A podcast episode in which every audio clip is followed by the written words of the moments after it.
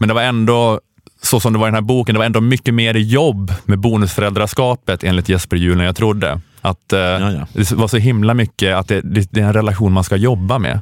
Att man så här, Ja, ja. Han har så mycket så långa beskrivningar på så väldigt konkreta tips. Han har en så lång instruktion med replikerna man ska använda när man ska ta ut sina bonusbarn på pizza. Så att nu, nu har vi känt varandra i ett helt år, men det har varit så mycket i mitt eget liv att jag nästan inte haft tid att lära känna dig, er, bättre. Och det är ju faktiskt inte så bra. Det är väldigt många repliker han skriver för saker som ska komma helt naturligt. Ja, nej men precis. Det är svårt tror jag att läsa till från Jesper Juhls repliker liksom, och upp, uppnå den de- effekten han vill, vill ha. Men det är, att det är, är det så att Je- Jesper Juhl talar helt naturligt på det sättet? Ja, ja jag vet. jag, jag får en känsla av att Jesper Juhl är lite, lite forcerad och tillgjord nu. Jag skulle vilja så- bjuda för- ut dig, er på pizza utan din, er mamma. Hon har sagt Ja. okej, så nu hoppas jag att du och ni också skulle vilja det. Så talar ju ingen. Jag har ju själv skilt mig och mina barn bor inte hos mig hela tiden. Det tycker jag är Nej. svårt och det tycker de också. Ibland när jag känner mig ledsen tänker jag att skilsmässor borde förbjudas så länge barnen bor hemma. Men det går ju inte. Alltså Jesper Juhl, ditt jävla freak.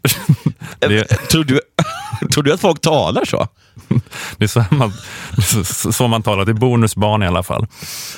Jag vet att vuxna alltid frågar om skolan, men jag är faktiskt intresserad av hur det går för dig i skolan. Vad tycker du bäst om och så? Är det okej om jag frågar eller, eller är det lite fånigt? Det här är ju en jättekonstig replik också att säga till bonusbarnet på den här pizzamiddagen. Jag känner mig lite nervös nu när jag plötsligt är ensam med dig. Och när jag Nej, blir så här nervös brukar jag bara låta munnen gå. Det vill jag inte idag. Idag vill jag prata om saker som är viktiga för oss bägge. Jag, jag, jag, jag, när jag säger nervös så låter jag bara munnen gå. Men gudskelov så har jag fått ett helt manus av Jesper Juhl. Så att nu blir det nog avslappnad och skön stämning. Vänta, ska jag läsa en replik här? Min pappa dog förra året och nästan samtidigt förälskade jag mig i er mamma. Det är lite konstigt att både sorgliga och glada saker kan finnas i kroppen samtidigt. Tänker du någonsin på det? Att min pappa är död. Eller sitter du bara och grinar över att din farsa lämnade henne?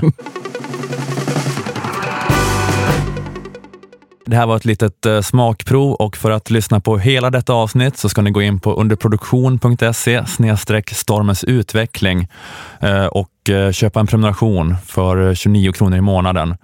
Och där kan du lyssna, ja, du kan lyssna direkt på webben där om du vill, men du kan också lägga in prenumerationsfiden av Stormens utveckling i din poddapp, eh, vilket väl kanske är att föredra för smidigt lyssnande. Eh, Och när du har gjort det så behöver du inte den här gratisfiden som du är i nu, eftersom att även eh, gratisavsnitten dyker upp också i prenumerationsfiden. Så att, eh, ja, gå in där och eh, lös allt det och, och tillfredsställ alla era Stormens utveckling behov.